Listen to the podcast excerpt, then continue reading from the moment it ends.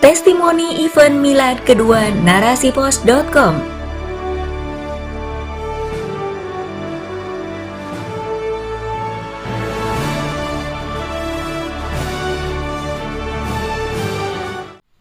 Usia boleh newbie, tapi dari sisi kedewasaan atau kualitas akan menyaingi para masta yang terlebih dahulu lahir.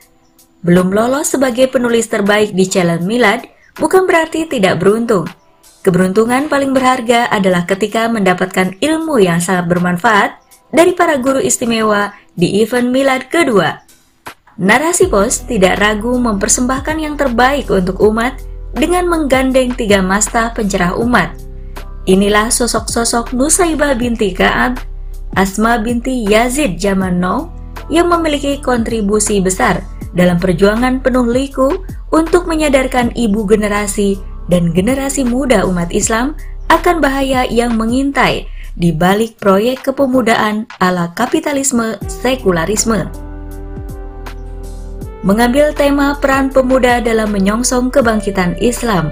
Masing-masing muslimah hebat ini menyampaikan buah pikirnya dengan jelas dan gamblang. Diawali oleh Ustazah Siti Nafidah Ansori, beliau mengentak kesadaran kami tentang realita rusak yang terjadi pada generasi muda saat ini. Semua dikendalikan oleh paham kapitalisme sekuler. Bahkan, dalam mendefinisikan makna pemuda saat ini pun, umat Islam mengikut apa kata Barat. Padahal, jelas dalam Islam, pemuda adalah usia yang sudah bukan anak-anak dan telah masuk kepada dewasa.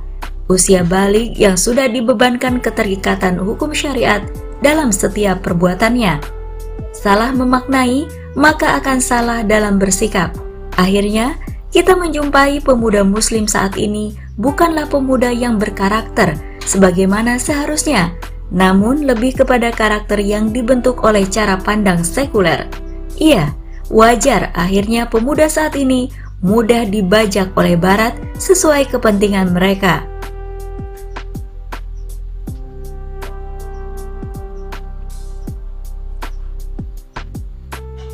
Ustazah Ratu Erma melanjutkan dengan membongkar skenario pembajakan potensi pemuda oleh Barat yang ujung-ujungnya menjauhkan pemuda dari kebangkitan Islam. Bahkan, beberapa kebijakan dan turunannya di negeri ini jelas-jelas mengikut apa yang telah menjadi kebijakan di negara-negara Barat. Saya jadi paham apa itu sejatinya RAN PE dan bentuk turunannya saat ini Berbagai upaya pengalihan potensi pemuda sudah dan sedang berlangsung saat ini. Program-program kepemudaan dibalut semenarik mungkin, menggiurkan, dan banyak menjanjikan kesenangan hidup yang berporos pada materi semata. Malah, program-program tersebut memandulkan kemampuan pemuda untuk berkarya menyelesaikan problematika di masyarakat. Setelah jelas apa yang sesungguhnya terjadi pada pemuda saat ini, giliran Ustazah Dede Wahidah Ahmad yang memberikan panduan solusi, arah yang benar untuk bersama-sama mengembalikan potensi pemuda untuk diberdayakan sebagaimana Islam mengarahkan.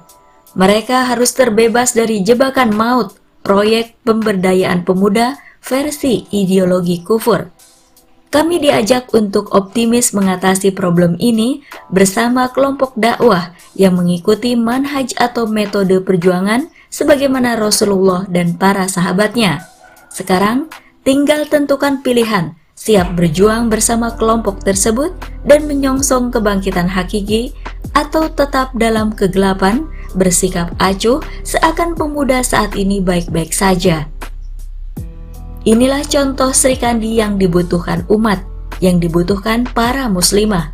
Contoh real Ummu Ajial atau ibu generasi yang selalu peduli terhadap generasi, cerdas memahami cara kerja musuh yang merusak generasi, dan ideologis dalam memberikan solusi yang solutif. Narasipos.com harus menjadi salah satu media dakwah pilihan umat Islam, terutama pegiat dakwah terkhusus lagi pegiat literasi. Teruslah berkarya narasi pos, raih kesuksesan dengan membuat karya-karya terbaik yang mencerahkan umat. Sahabat, itu tadi salah satu testimoni dari acara miladnarasipos.com yang kedua. Testimoni ini ditulis oleh Putri Ahmad. Saya Maya Rohmah undur diri. Sampai jumpa pada kesempatan berikutnya. Assalamualaikum warahmatullahi wabarakatuh.